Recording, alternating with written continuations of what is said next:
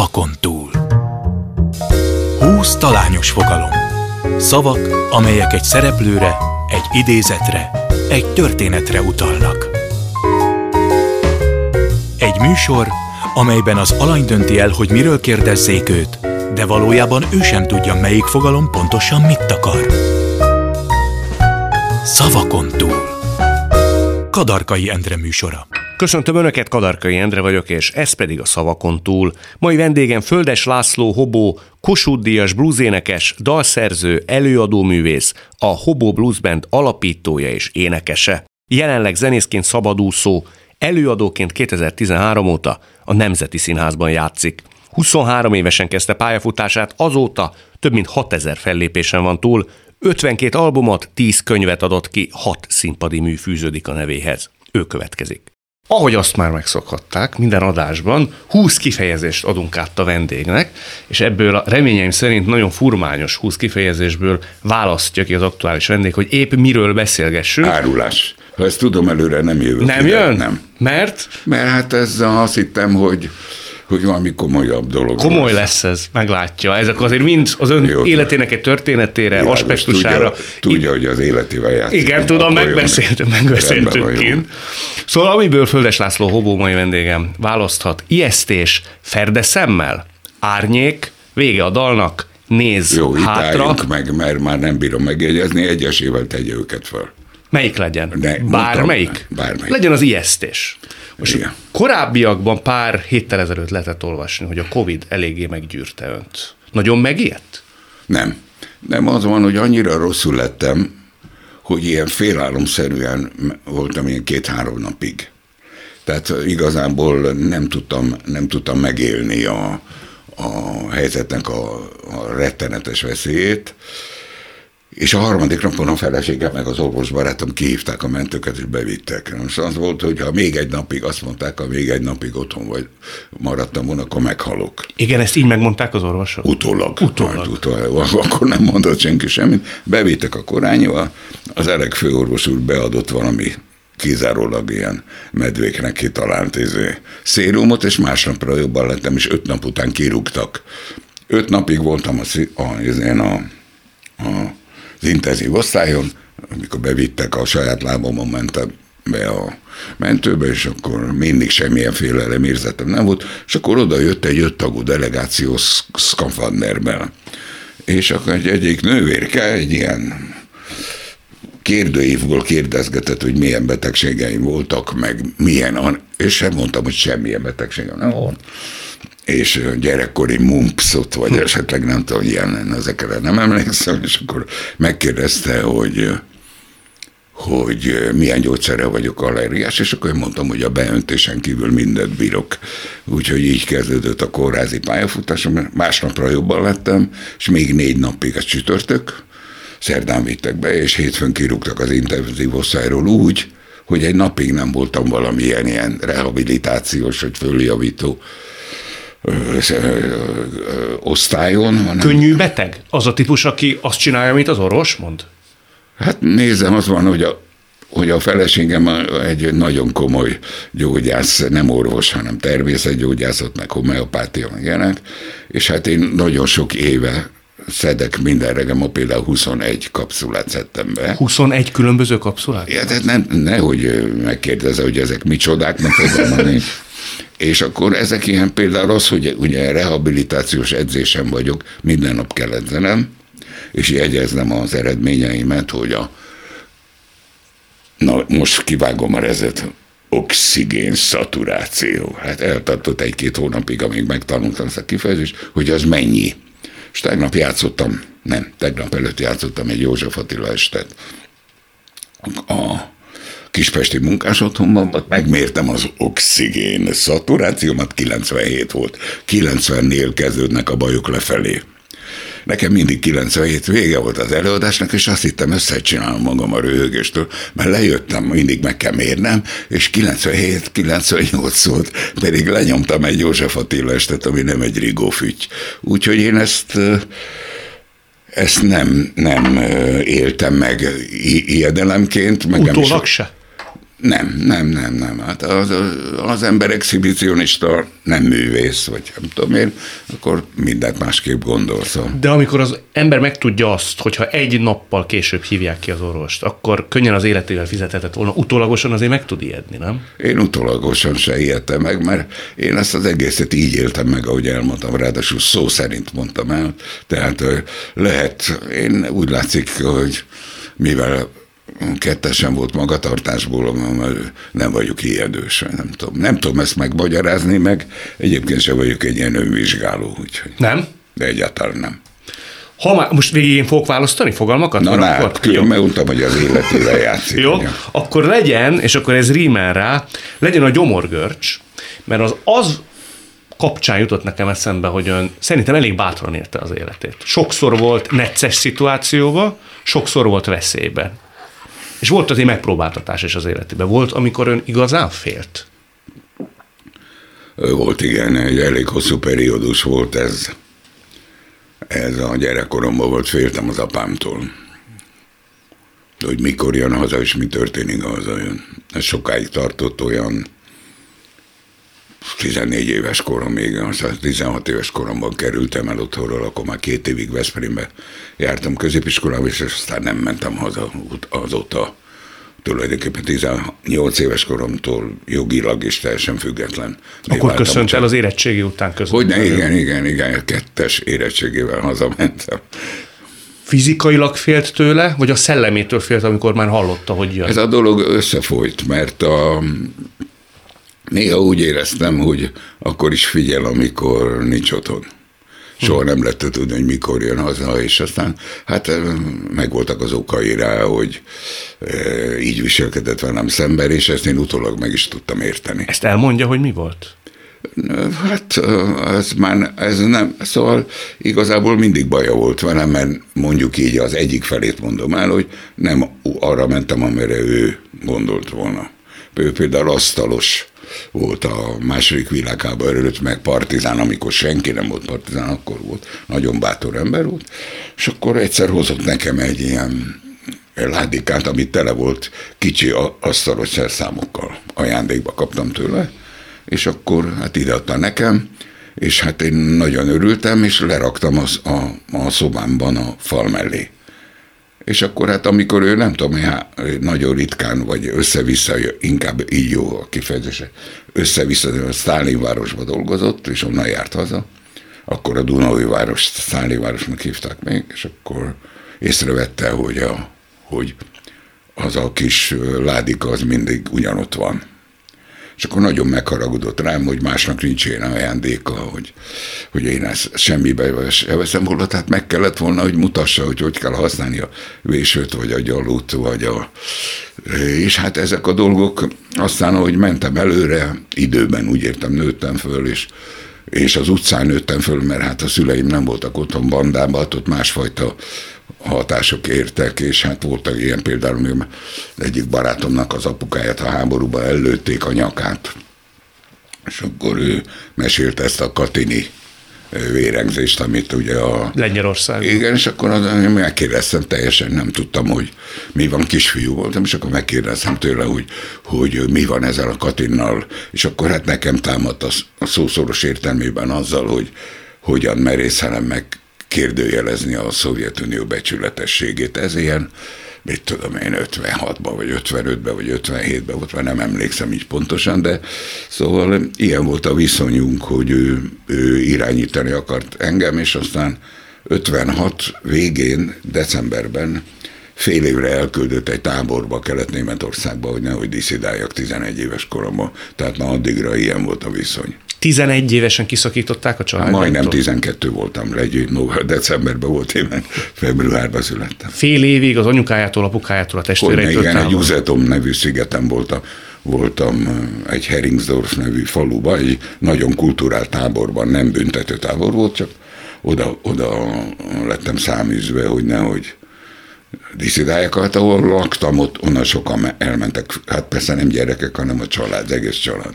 Nem akarok nagyon személyeset kérdezni, de 11-12 éves gyerek kiszakítva az anyjától és az apjától. Van, hogy annyira neki keseredik, hogy Elsírja magát, és ott ücsörög egy magába, és azt mondja, hogy ezt nem hiszem. Nem, ez a dolog úgy nézett, úgy nézett ki, hogy, hogy főleg intézeti gyerekek között voltam, akik, akkor voltam azt hiszem hatodik osztályos, vagy hetedik, hatodik osztályos, és a és hát ott voltak olyan, olyan intézeti gyerekek, mondjuk, aki 16 éves volt és hatodik osztályba járt. Tehát én nagyon nehéz sorsú, nem voltak szüleik, meg nem tudom, és hát ott nagyon kemény volt az élet. Megaláztatásokkal jár? Hát az volt, hogy már úgy kezdődött az egész, hogy mielőtt a vonatra tettek volna, a pályaudvaron egy nappal vagy két nappal előtte levittek a Csaba utcai for, kor, a fodrászhoz, és ott kopaszra nyírtak. Tehát föl, fölkerültem a vonatra, és az egész az a rész, ahol a többi gyerekek között, ahol én voltam, azok már csúfoltak a kopasságom miatt, hogy koponya, így hívtak. Tehát az szörnyű volt, és akkor nem tudom, két nap alatt vagy három értünk oda vonattal, és akkor ott is így kezdődött a dolog, de hát meg voltak verekedések, és azt én nem tűrtem, tehát a nagyobbakkal szembe se. Megvertek ugyan, de, de Általában kapott, mint adott? Sok, hát az volt, hogy nem tartottál, nem kezd misztifikálni, mert egy-két ilyen bunya után kiszúrták ezek. Volt egy Jancsek Rudolf nevű pasi, aki később, később villamos lett, és találkoztam vele, amikor mentem iskolába, már a középiskolába, és akkor ő valamiért bírt engem, hogy én szembeszálltam, megvertek, de de nem adtam meg magam. És akkor ő ettől kezdve, és ez az elején volt, nem tartott hónapokig, fél évig voltam ott, hanem egy-két hét után ő a szárnyai alá vett, és ő az egyik ilyen túlkoros volt. És meg volt egy másik, akinek csak a gúny nevére, emlékszem, úgy hívták, hogy Delta Alfones. Hm. Ez volt a gúny neve, ezek ketten nagyon bírtak engem, nem, ezt nem tudom, hogy miért, mert kisfiú voltam, de aztán soha többet nem bántott senki. Ha jól értem, ugye két testvére van, Igen. Velük szemben az édesapja soha nem így járt el. Hát nem, de ők sokkal később születtek, nem a második világháború alatt, vagy, a, vagy nem 44-ben ö, fogantak meg, hanem a, a, amikor a szüleimnek nagyon nehéz életük volt, mint illegális kommunistáknak. És akkor ő, a, a, gyere, a testvéreim azok már akkor születtek, amikor az apám egy, egy igen komoly pozícióban és egy sikeres ember. Belügyminiszter helyettes volt. Nem, az Nem? később Az volt, később sokkal, volt? sokkal később. Nem tudom pontosan, például a Sztálin városi pártitkár volt mondjuk, amire jobban emlékszem az 50-es években, 56 előtt jó darabig, meg Csepelen is volt pártitkár, és a, a, a testvéreim már akkor akkor születtek, amikor ő már egy úgynevezett sikeres, vagy jelentős elvtárs volt, akinek nagyon rendben van a családja. Ezzel volt a baj, hogy aztán később ugye én onnan leléptem, és akkor ő még mindig pozícióma volt 63 után is, és ezért felelősségre is vonták, hogy hát rendezze a viszonyát a Nyers Rezső behívatta őt, ez ilyen 68-ban, vagy 60, akkor én már vagy 5 éve nem voltam otthon, és akkor hogy felszólították, hogy rendezze a család életét, de ez nem sikerült, mert az édesanyámmal is elváltak. Velem meg hát soha nem igazából. Voltak periódusok később, amikor, amikor egy ilyen diplomatikus, normális viszonyban voltunk az édesanyám kérésére, hogy a család valamennyire legyen egységes, de igazából ez soha nem rendeződött, sőt, hát aztán egy írásbeli kiátkozással kaptam egy levelet tőle, amiben kiátkozott, ez megvan ez a levél, de hozzá kell tennem, hogy egyáltalán nem haragszom rá, és abszolút meg tudom érteni, hogy ő miért volt ilyen. Tehát, ö, sőt, ugye sokan azt mondják, hogy én azért lettem ez, aki vagyok, mondjuk így ezt a rossz kifejezést, hogy sztár, mert az apám elintézett mindent, az apám semmit se intézett el, hiszen én elfordultam, sőt, bizonyos értelemben gondolatilag vagy politikailag szembe is fordultam vele. De az, hogy én ez lettem, aki vagyok, abban benne van az, ahogy ő bánt bennem, bánt velem. Majdnem, hogy egy kicsit hálás is ezért. Nézd, szóval hát ez, ez hát, ha, ha arra kell gondolnom, hogy milyen pálya van a hátam mögött, és akkor most ol- olvastam az egyik kollégának, rockstárnak a nyilatkozatát, hogy amikor elmegy a koncertjeire, akkor mindig abból merít erőt, hogy végignézi a szobában az aranylemezeit.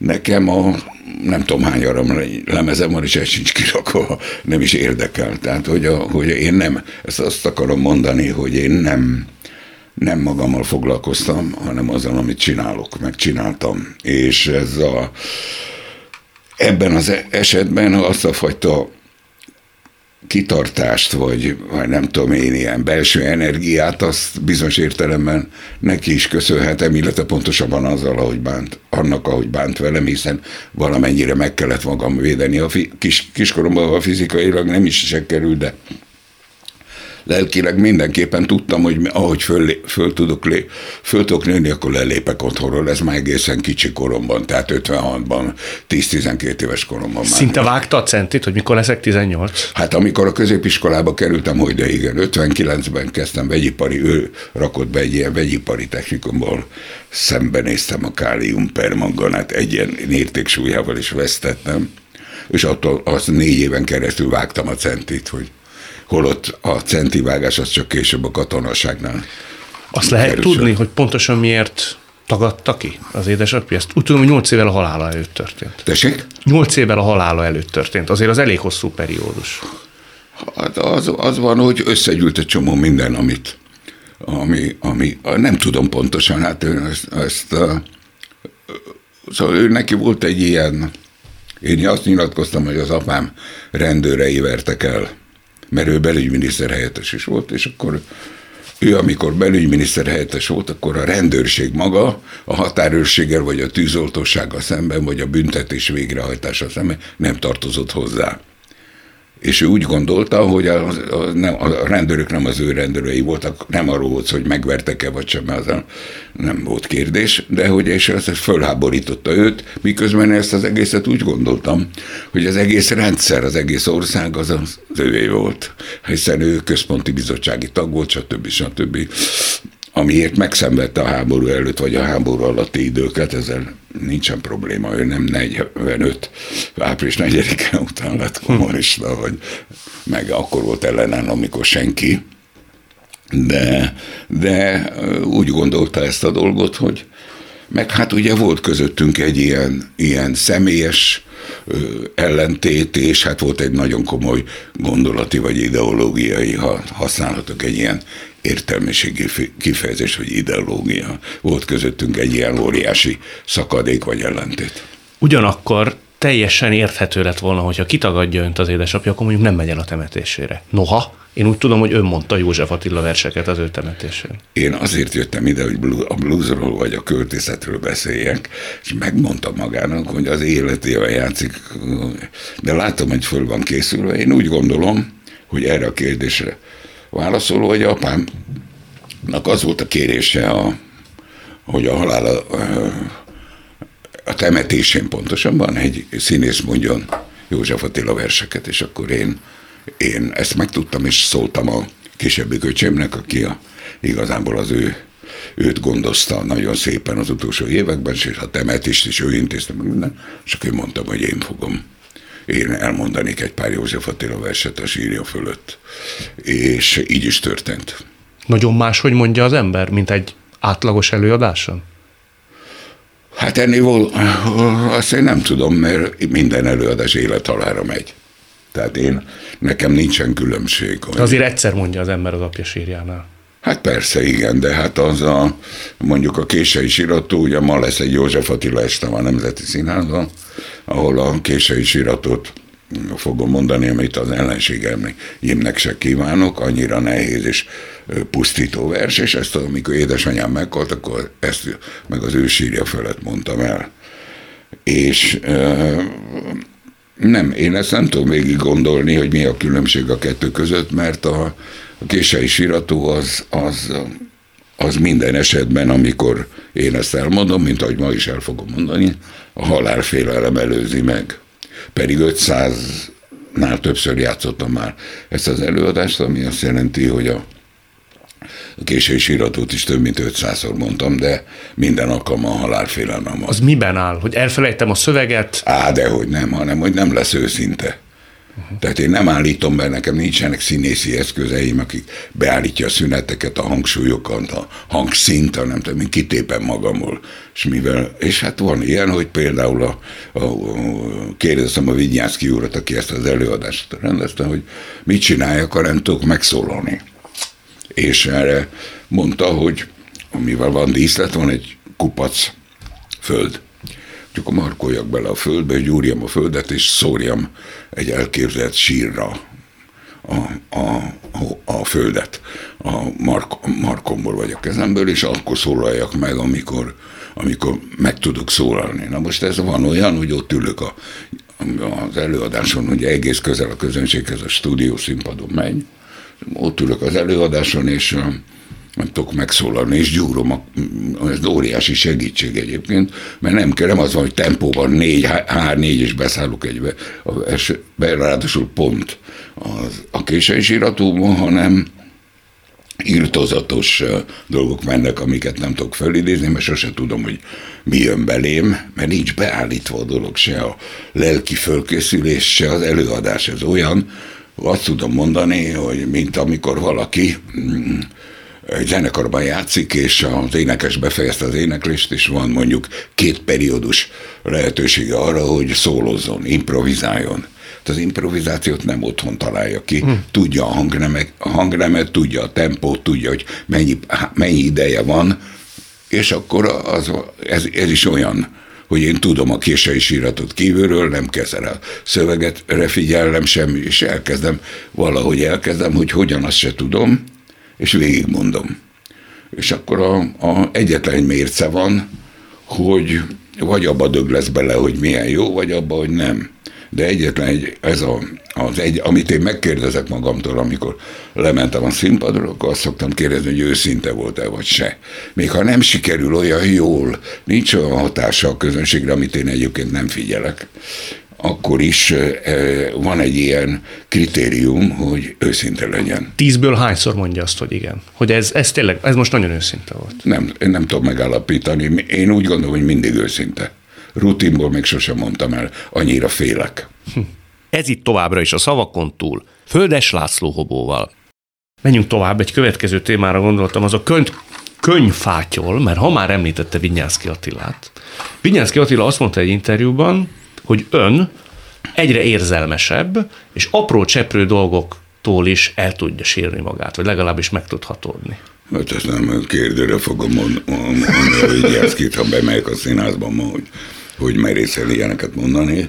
Az az igazság, hogyha az ember nyitott lélekkel játszik, akkor minden eléri.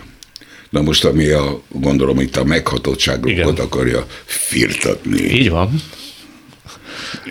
és a, az van, hogy a, hogy a, a leginkább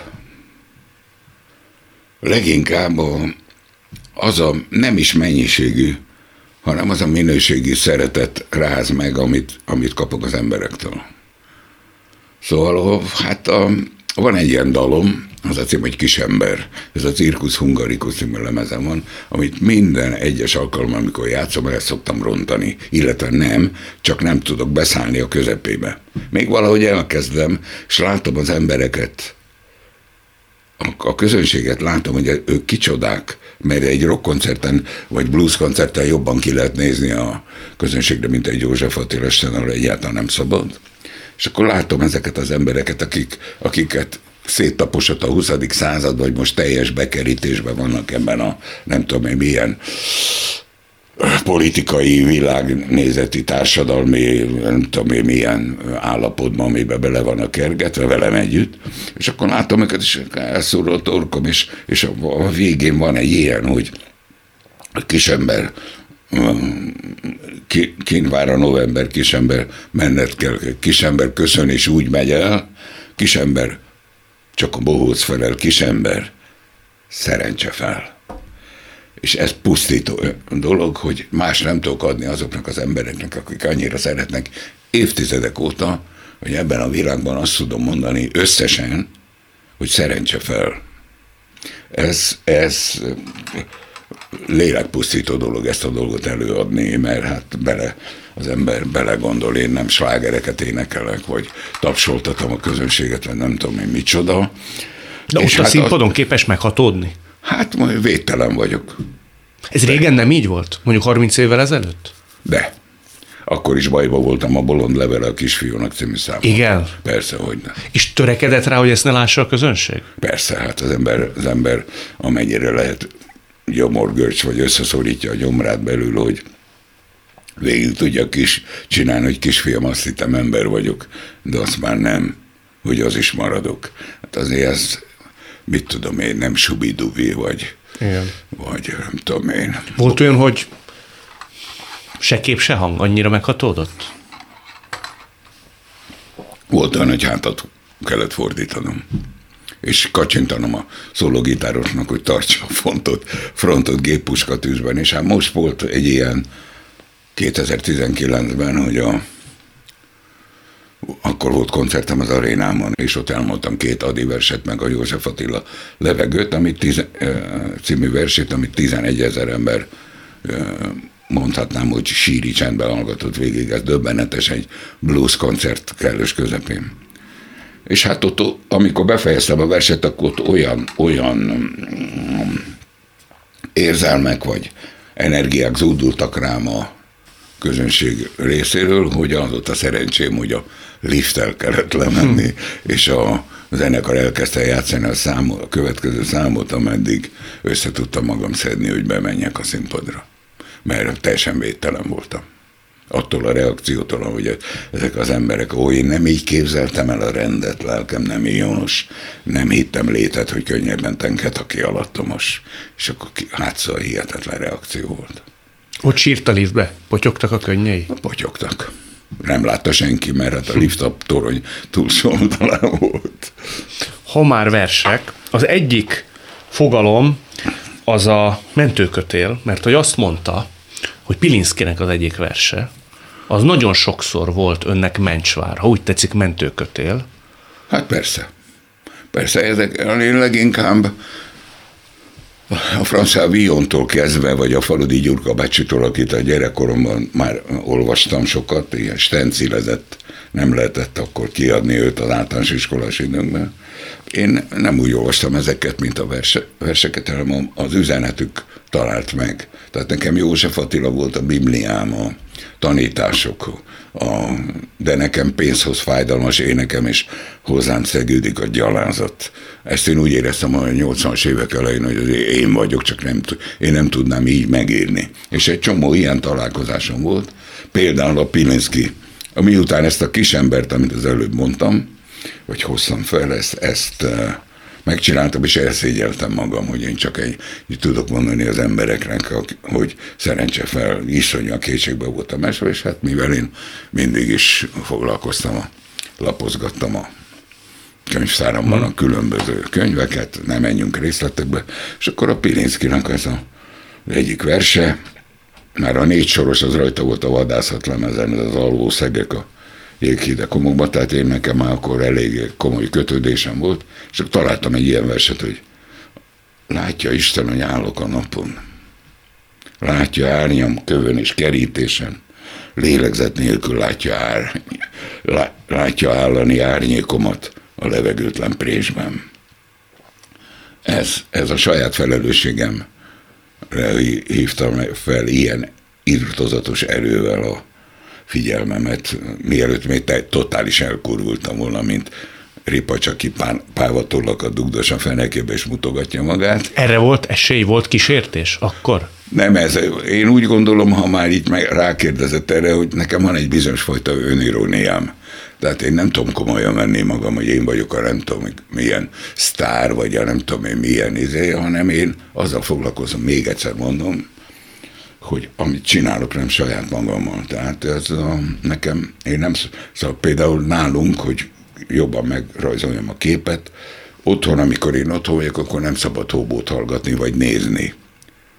Tehát én nem szoktam, én befejeztem egy lemezt, azt meghallgatom a stúdióban, amikor összekeverték a mesterszalagot, most is épp ezt csináltam éjszaka, az egyik lemez már teljesen kész van, és akkor megérzem a javításokat, és akkor megjelenik a CD-n, akkor még esetleg meghallgatom, de igazából tehát nem szoktam hallgatni magam. Most is kaptam egy ilyen feleségemtől egy ilyen finom, finom elnézéssel teli, de értetlen célzás, hogy az I Love You Budapest az milyen jó lemez. Na most hát ugye a dologban az a kínos, hogy én nem is emlékszem, hogy mi van az I Love You Budapest című lemezemen, mert azt még talán a tanácsköztársaság bukása idején írtam, vagy nem tudom én. Szóval én ezekre nem emlékszem. De ön elégedett azzal a lemezzel?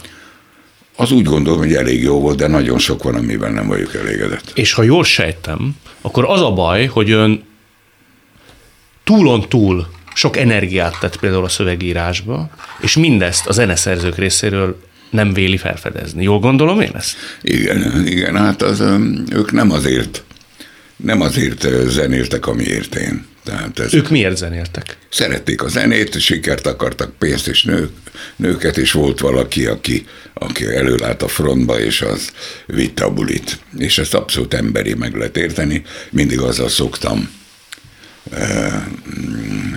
fenyegetni őket, hogy szerencsétek, hogy nem tudok gitározni, mert különben éhen döglenétek.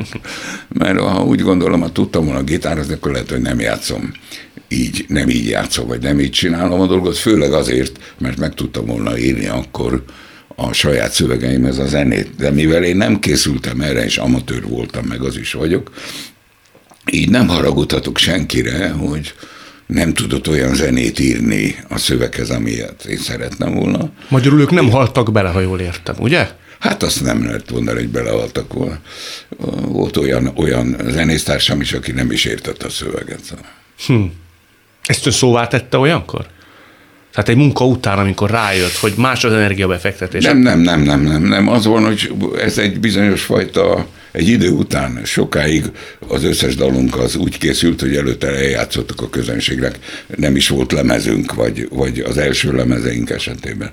És aztán, a, ahogy a stúdióban kerültünk, akkor, akkor derült az ki, hogy ott kész helyzet elé lettem állítva, tehát, hogy ráadásul ez mondjuk a hungaroton időszakban volt, amikor hát nem volt bőséggel stúdióidő, hogy, hogy, hogy meg egyrészt, másrészt meg amikor összekeverték és kész lett, akkor derültek ki bizonyos dolgok, hogy, hogy de ami, amikkel már nem lehetett változtatni, de aztán most az utolsó időszakban úgy megyek stúdióban, és csináltam vagy három lemezt, amikor az összeszámot kipróbáltuk a, a próbateremben. Azt mondta Hobo Blues Bandről, hogy több árulás is történt amik önnek nagyon fájnak. Ezt nem értem. Hogy Több árulás is történt. Mire gondol, hogy milyen árulás? Olyan ember azt gondolta, aki egyébként erre nem volt méltó, hogy tulajdonképpen ön az ő kreálmánya, és elárulta. Hát az van, hogy, az van, hogy, hogy mindig is volt egy óriási kulturális szakadék, és bizonyos értelemben morális szakadék a zenekaron belül, nem csak én közöttem és közöttük, hanem egymás között is. És ezek és a siker nem tett mindenkinek. Ott volt, aki azt hitte, hogy a Hobo Blues Band az azért megy, a, mert, mert ő benne van, és amikor majd kiszáll, akkor össze fog törni. De Nevet nem, nem akar mondani, hogy ki volt? Nem, nem, nem, nem. nem. Mert ez egy jelenség volt. Nem egyetlen ember volt, vagy kettő, hanem, és hát voltak olyanok, akik ugye dolgozni jártak a Hobo Blues Bandben, nem játszani. Mit csinálsz egy zenekarban? Játszol. Ma már olyan emberekkel játszom, akik azért, hogy sokkal fiatalabbak, mint én, egy megváltozott világban több zenekarban játszanak azért, hogy egyáltalán meg tudjanak élni, mert a zenére tették fel az életüket. És ezt én abszolút elfogadom. Én nem a zenére tettem fel az életemet, mert én hobbiból zenéltem, és hogy ebből ez lett az, az például a Póka Egonnak volt köszönhető, aki beszállt a Hobo Blues és egy profi zenekart csinál belőle. Másrészt pedig, pedig hát annak, amit főleg, amit a Póka Egonnal mi, mint alkotótársak csináltunk a 70-es és a 80-as években.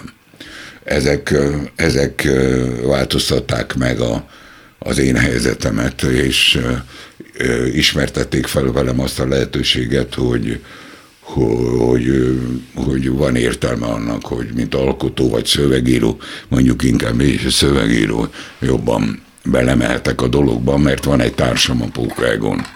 De ugye azt jól tudom, hogy volt olyan ember, aki le is akarta ön cserélni. Volt. Meddig jutott el e tárgyban ez az ember, ez a bizonyos kollega? Hát az, az, volt, hogy, az volt, hogy úgy gondolták, hogy feszült volt már a viszony, a zenekaron belül, hát például, hogy ugye mondtam, én ilyenek voltak, hogy a Deák Bill Gyula kilépett a zenekarból, mert úgy érezte, hogy ő, vele itt nem bánnak rendesen, holott az előtt soha életében senki be nem vette a zenekarba. Szerencsére úgy alakult, hogy ő lépett ki, mert én egy féllábú, félszemű cigányembert soha se küldtem volna el. Eltartott egy pár évig, amíg erre rájött. De nem csak ezért nem küldte volna el. Most ez iróniával mondta, hát egy nagy tehetség, nem? Nem, nem, nem, egyáltalán nem iróniával mondtam ezt a dolgot. Az a te, olyan tehetséget és egy olyan fajta humort és emberséget, amit ő behozott, amit én addig nem ismertem, az a világon nincs. Tehát, hogy olyan különleges egyéniség, hát most már vagy, mint a 30 éve újra játszunk együtt, meg kilépett a zenekarból, írtam neki lemezt a bűnöm, börtönön, bánaton túl, most is vannak közös koncertjeink Bill és Hobó újra együtt. Most is valamelyik nap játszottunk a, a Póka Egon emlékére, egy ilyen televíziós felvétel volt az Országút Blues. Tehát, hogy az, az van, hogy, hogy, hogy, hogy a dolog az, az kezdett kifáradni a Pókágon kikerült 93-ba, és akkor kezdett a dolog fokozatosan kifár, kifáradni művészi értelemben. De a koncertek azok baromi sikeresek voltak, és ez mindig is vigasztalt engem, mert engem a koncertezés jobban érdekel, mint a lemezkészítés. És így végig tudtam csinálni azt, amíg azt, azt mondtam 2008-ban, akkor már olyan emberekkel játszottam, akiknek már mindegy volt, hogy hol játszanak, és akkor, akkor azt mondtam, hogy ezt én nem csinálom tovább. És azóta eltett, nem tudom, tizenvalahány év, és azóta viszont megválaszthatom, hogy ki kell játszom, és ez engem nagyon-nagyon boldogá tett, és csináltam olyan dolgokat, mint a Hey Magyar Joe, vagy a Rejtő Decameron, amik, amiket nagyon komolyan kidolgoztak, és nagyon fontosnak érzem, hogy ezeket megcsináltam, sőt azt is mondhatom a verslemeizzeimmel, meg az előadó estjeimmel, hogy én, attól függetlenül, hogy a Hobo Blues Band igazából 2008-ban befejezte, én folytatni tudtam azt, amit ott csináltam. De azért most belegondoltam abba, hogy van egy frontember, és a zenekara egyik tagja úgy gondolja, hogy le kéne őt cserélni. Azért az jár fájdalommal, meg emberi csalódással. Hát ez a, a, a dolog, dolog szerencsére úgy alakult, idézőjelben mondom a szerencsére, hogy aztán kikeveredett egy konfliktus, és akkor neki mennie kellett. Úgyhogy, szóval. Azt is tudja, hogy kit szeretett volna ön helyett? Hogy nem, persze, persze. Igen, hát az, és ő benne volt az illető? Azt, azt nem, nem, nem tudom, de hát, de hát egy nagyon tehetséges és nagyon nagy nevű ember szeretett volna a helyemre behozni, de hát az is, én úgy gondolom, hogy akkor az már nem Hobo Blues Band lett volna, hanem nem tudom, valami más. De volt egy ilyen terve, hogy, hogy, hogy az illető, aki, aki a helyemre került volna, az, az elég nagyon jobban voltam, meg vagyok is, és úgy volt, hogy írok neki egy szóló lemezt. Akkor ő egy szólista volt akkor, és akkor úgy volt, hogy írok neki egy szóló lemezt, amit aztán nem csináltunk meg, mert a, a, a konfliktus a, a másik kollégával az hát kitört, és akkor vége lett ennek a dolognak. Ez itt továbbra is a szavakon túl, Földes László Hobóval. A következő kifejezés az a dúrok közé, mert hogy én úgy tudom, hogy önnek nincs zenei előképzettség. Egyáltalán is. Az Látta ennek hiányát? Abszolút. Annak idején csak azért, mert az apukám vezetőeltárs volt, kaptam kettes alát az Árgyélus kismadár nem száll minden ágra című dalért. Nem, soha nem tanultam zenét, és nem is gondoltam, hogy ő zenélni fog, eszembe nem jutott. A Hobo Blues Bandet 33 éves koromban alapítottam meg, amikor már mindenki addigra abba hagyta. De menet közben nem gondolt arra, hogy esetleg megtanulja ennek a az van, az van hogy, hogy bizonyos értelemben ben nem volt idő meg hát játszottam egy ilyen óriási tehetségű emberrel, mint a Póka aki az összes számot meg, meg, meg tudta írni, nagyon jó számokat írt, nagyon sokáig, és a, meg egész komplet lemezeket, például mondjuk a vadászat vagy a tábor tűz mellett. Vagy. És akkor az történt, hogy ő vezetett engem, mint énekest. Én meg abból, ami, ami amit láttam és ami történt a zenekarral, hát kiderült, hogy azért én mondjuk előadóként függetlenül, hogy milyen énekes vagyok ebben a sok kanáriból álló szakmában, hm. hogy azért meg el tudok jutni az emberekhez, vagy, vagy át tudom adni azt, amit át, át kellene adnom. És milyen énekes ön? Mi az erőssége? Én úgy gondolom, úgy gondolom hogy, a, hogy, hogy az a fajta dolog, amit, tehát én minden mögött ott vagyok. Tehát, hogyha ma este eljátszom mondjuk a hetedik című verset, amit már 1922 óta játszom, akkor a mög, minden szalma mögött, függetlenül, hogy hány ezerszer játszottam el, ugyanúgy ott vagyok, mintha eljátszom a, a nem tudom, a rohadt vagy a, a, a Leila az arab démont, vagy a Hé Magyar Jót, vagy akármi, minden mögött ott vagyok. Tehát én nem tudom, hogy a közönség megérdemli azt, hogy akármennyire a könyökömön jön ki valami szám, akkor is az ő nekik ez fontos. És azt tudom, hogy ők védtek meg, évtizedeken keresztül nem kellett beállnom sehova. Ők szabályosan, ők tartottak el anyagilag is. Én abból éltem, amit ők, soha nem voltak jó szerződéseim a lemezeket illetően. Ez kimúlott önön? Mi? Ez, hogy nem voltak jók a szerződések. Nem, az én rajta múlott azon, azon, amilyen én vagyok, vagy voltam, meg vagyok is, meg ami, amilyen szövegeket írtam, meg amit csináltam, meg hogy hozzáálltam a hatalomhoz a 60-as, a 70-es, a 80-as vagy a 2020-as években. De nem gondolt arra soha, hogy egy picit simulékonyabbnak lenni. Egy nagyon picit kompromisszumkészebbnek lenni. Lehet, hogy kifizetődő lenni? Én nem gondolom, hogy simulékonynak kellett volna lennem, mert úgy gondolom, úgy úgy érzem, hogy amit én csináltam, az nem volt lázadás. Az ember nem azért játszik blues, hogy lázadjon, hanem azért, mert szereti. Ki az a, ön szemébe a lázadás? Bocsánat. Te, igen? Az ön szemébe. Ki volt a lázadó? Az igazi, amire azt mondja, na az lázadás volt. Hát mondjuk, mondjuk a Jim Morrison volt lázadó. Vagy a Bob Dylan egy bölcs kívülálló, vagy a magyarok közül mondjuk a Baksasos János, a kekszénekese, uh-huh. ők voltak igazi lázadók, aki a Baksasos az énekelt a színpadon, vagy illetve mondta a színpadon, amikor a rendőrök ott voltak, hogy beleszarott a sapkátokba. Hát ezek képest én egy nyúlbéla vagyok ő hozzá uh-huh. képest, vagy nem tudom én.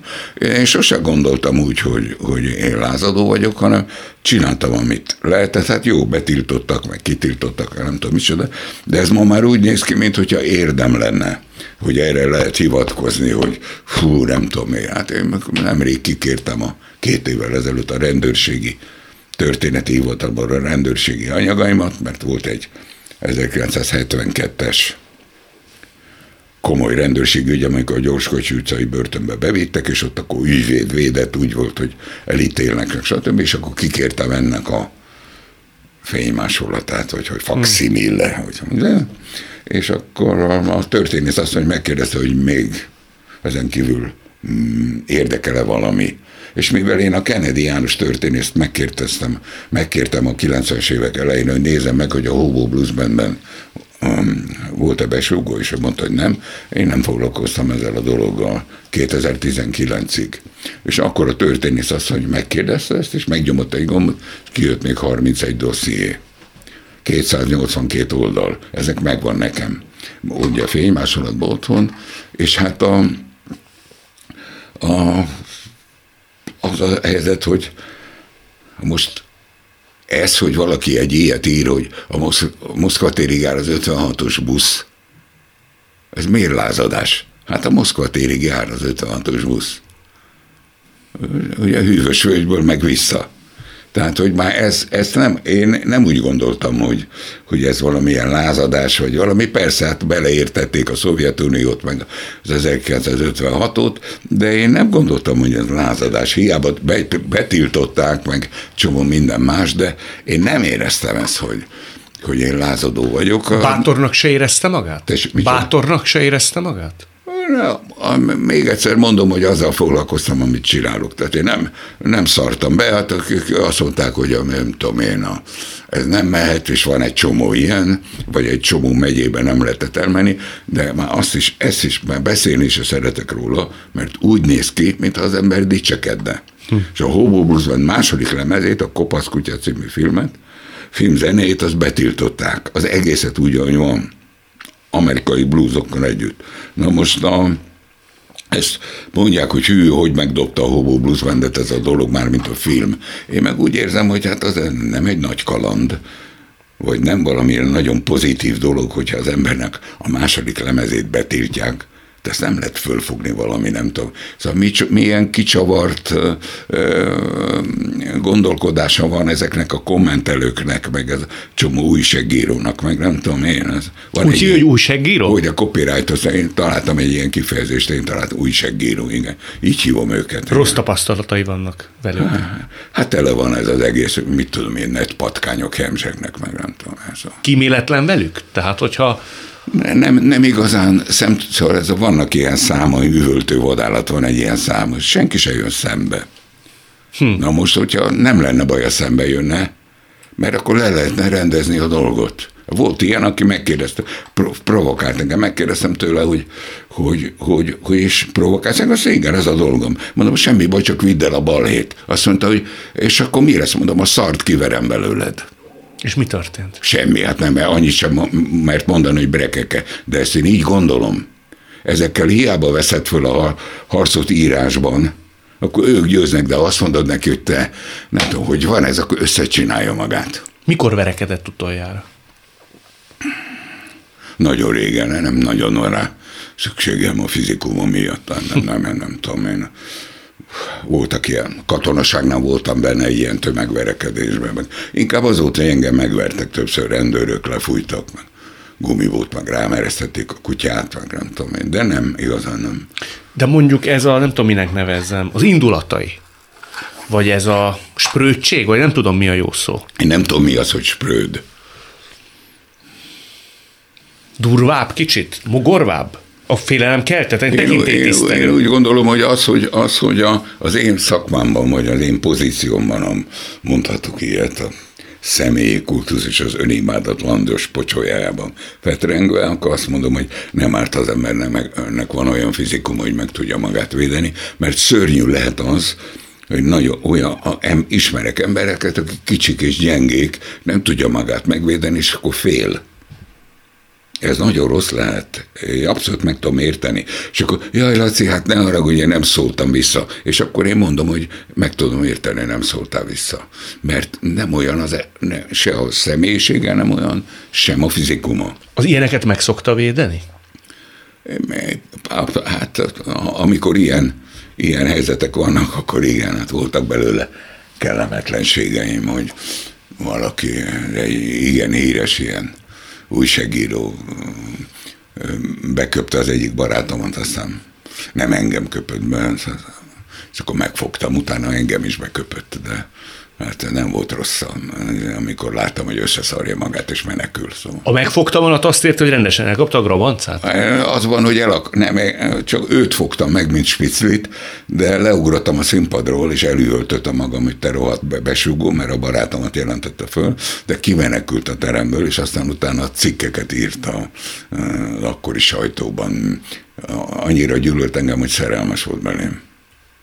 Vissza oda, hogy azt mondja, hogy majdnem 300 oldalt találtak a történész. 282-t ne túlozzunk. Ne túlozzunk. 200... Szerénység, mondta Bácsi ha valamit szeretek magamhoz, a szerénység. 282 oldal. Volt nagy felismerése, csalódása?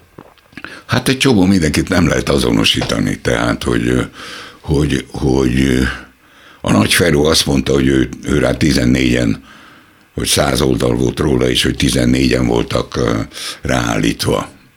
Akkor neki szerencséje volt, mert én nem tudom, hogy hányan voltak rám állítva, és én csak hármat vagy négyet tudtam azonosítani de nem tudom, hogy kik azok, akik még ott jelentettek meg, nem tudom én, vagy ellenem tanúskodtak, ilyen is volt, hogy kihallgatási jegyzőkönyv, és akkor az ember nem feljelentett engem, hanem behívták a rendőrségre, mint tanút, és akkor ő mondta, amit mondott, de én nem tudom, hogy kicsoda. Volt egy ember, aki megkereste önt 90-ben. Így van. És azt mondta, hogy én jelentettem rólad. Be, elém állt, és azt mondta, hogy bocsánatot szeretne kérni, mert ő őt megfélemlítették, gyáva volt, és ártott nekem, is jelentett rólam. És a torkom elszorult, és megöleltem, hogy valaki szemben mer nézni magával. Soha nem fogom megmondani, hogy ki az. Te ártott önnek? Ezt ő tudja. Én nem mentem ennek utána, megrázó volt az egyáltalán a dolog, hogy valaki ezt így bemeri vállalni. Vagy olvastam, amit a Vikidál Gyula jelentett rólam, egy rossz szó nem volt benne. Egyből megbocsátott neki? Nem is volt önben olyan, hogy... Azt Megre, megrázó, megrázó volt. volt. Megrázó volt. Ő egy közismert ember, ugye? Nem kell nevet mondani, csak hát egy nem, közismert. Nem, nem, is mondok. Nem, közismert ember. Hogy de igen. Azt én jól gondolom, hogy ön az írásban érezte magát a legtehetségesebbnek? Szövegírásban. Tehát ne, szövege, hát én novellák, próza, novella, novella, úgy értem. Novellákat úgy értem. írtam, mert azok benne is vannak ebben a könyvben, amit most csináltam. Hogy nagyon nagy sikere volt ahhoz képest, hogy a kortársban vagy a mozgó világban régen jelentek ezek meg, és ezek csak novellák voltak, ahhoz képest nagyon nagy figyelmet fordítottak rá az emberek, az olvasók, és én is úgy gondoltam, hogy, hogy a tanítás mellett akkor már gimnáziumban tanítottam, vagy még nem, hanem a kálium permanganát igézetében ültem valami, vagy a gyógyszergyárba, vagy a Tungsramba, és akkor írtam, és akkor az jól ment. Miért hagyta abba? Hát az az igazság, hogy ugye kiderült rólam, hogy amit nem tudtam addig, a marháskodáson kívül hogy egy exhibicionista vagyok, tehát pávatolakat dugdosok a fenekembe, és mutatom magam. Ami történelem tanár voltam, amikor a Hugo Blues Band megalakult, és úgy éreztem, hogy, hogy, hogy az, az, hogy én akkora sikere volt az első koncertem már a Hugo Blues ami engem teljesen megdöbbent, hát, mert csak Rolling Stones, meg Doors, meg Néger bluesokat játszottunk, én meg a Mick Jagger-t utánoztam, hm. 40 kilóval nehezebben, meg egy méterrel magasabban, és akkor el kellett döntenem, hogy az éneklés vagy a tanítás mellett maradok, mert mind a kettő teljes embert kíván. Nagyon szerettem tanítani, és talán gimnáziumban tanítottam, és akkor... Történelmet, Cseppelen. Igen, igen, igen, és akkor ez történt, hogy ez történt, hogy a, a ripacs az legyőzte a tanárt, és akkor hát azóta csinálom ezt a dolgot. Még egy dologgal összefügg, hogy hát ez az életem mélypontja volt, egybeesett a zenekar megalakulásával a kisfiamnak a halálával, amikor a zenébe vetettem magam. Annyira nehéz volt akkor az életem, hogy... Mennyi idős volt? Egy. Egy, egy éves volt? És ő beteg volt? Igen, elég hamar megbetegedett és mondták, hogy menthetetlen, és minél jobb, hogyha minél előbb meghal, ezt mondták. És akkor én egy évig jártam a kórházba, a steril osztályra hozzá, még aztán meghalt. Mennyi? Egy, Bocsánat, igen. Egybeesett a dátumokat nem tudok, de hát egybeesett a zenekar. 78-ban volt nevezetesen, akkor alakult a zenekar. Mennyi időnek kellett eltelnie még újra azt érezte, hogy valamilyen szinten képes színpadra állni, képes alkotó ember lenni? Nem tudom ezt nem. Nem, én megvadultam, és az segített, hogy mit tudom, játszottam a Szimpátia az Ördöggel című Rolling Stones számot, ami elég vad, vagy a Gimme Sheltert, vagy ilyen, vagy Backdoor ment a, a Willie Dixon Doors-tól, vagy, a, vagy az Ismeretlen Katonát, vagy szóval vadszámokat játszottam. És ez ez, ez hát kivitte az emberből a, a, a, a keserűséget, a fájdalmat, vagy még azt is mondhatnám, hogy a tehetetlenséget is. Arra nézve van valami szabály a fejében, hogy meddig lehet ezt csinálni ilyen lankadatlansággal és ilyen energiával? Ezt, ezt nem tudom, hát ez fizikailag is determinálható. Hát most egy térdműtét előtt állok, kijöttem ebből a Covid-ból, most épülök föl, minden nap edzek, és amikor lement ez a születésnapi koncertem, akkor utána lesz egy nagy vizsgálat, orvosi vizsgálat, amikor kiderül, hogy mi maradt meg a meg mi nem. Nyilván ezt a koncertet a térdeim miatt valószínűleg fájdalomcsillapító injekcióval csinálom majd végig, mert hát nem biztos, hogy két és fél órát bírok, egy órát most is bírtam tegnap is, meg remélem ma este is fogok, de és akkor ez a vizsgálat eldönti majd a koncert utáni vizsgálat, hogy mikor lehet meg a térdműtétem, és azt se tudom, hogy mivel 22 évig kosárlabdáztam, hogy ennek milyen következményei vannak, mármint hogyha meg túljutottam a műtéten, mennyi ideig tart, amíg fel, fel, felépülök belőle, és hogy, hogy mi marad, milyen állapotban leszek. De semmilyen ilyen félelem nincs bennem, vagy hogy, hogy, vagy ilyen, hogy be kellene fejeznem. Most ebben a hogy az emberek ilyen mér, minőségű és mennyiségű szeretetet zúdítottak rám a betegségem miatt, megfogadtam, hogy most ebben a gyalázatos gyűlölködő időben egy vidámabb koncertet csinálok, de a világ nem lesz jobb. Hát, ha jobb lesz egy picit a világ. Földes László Hobót látták, hallották. Nagyon szépen köszönöm. Láttak is? Hát kamerával rögzítették. hát ezt tudom. Akkor kérek egy kis utómunkát, elfelejtettem sminkelni. Megoldjuk valahogy, köszönöm szépen. Szívesen. Ez volt a mai szavakon túl Földes László Hobóval. A műsort nem csak hallgathatják, de végig is nézhetik. Iminti beszélgetésünk hamarosan már látható lesz YouTube csatornámon is. A mai adás létrejöttében köszönöm Árva Brigitta és Rózsahegyi Gábor segítségét. Találkozunk jövő szombaton és vasárnap itt, a Klubrádióban. Viszont hallásra! Jövő héten ugyanebben az időben újra Szavakon túl.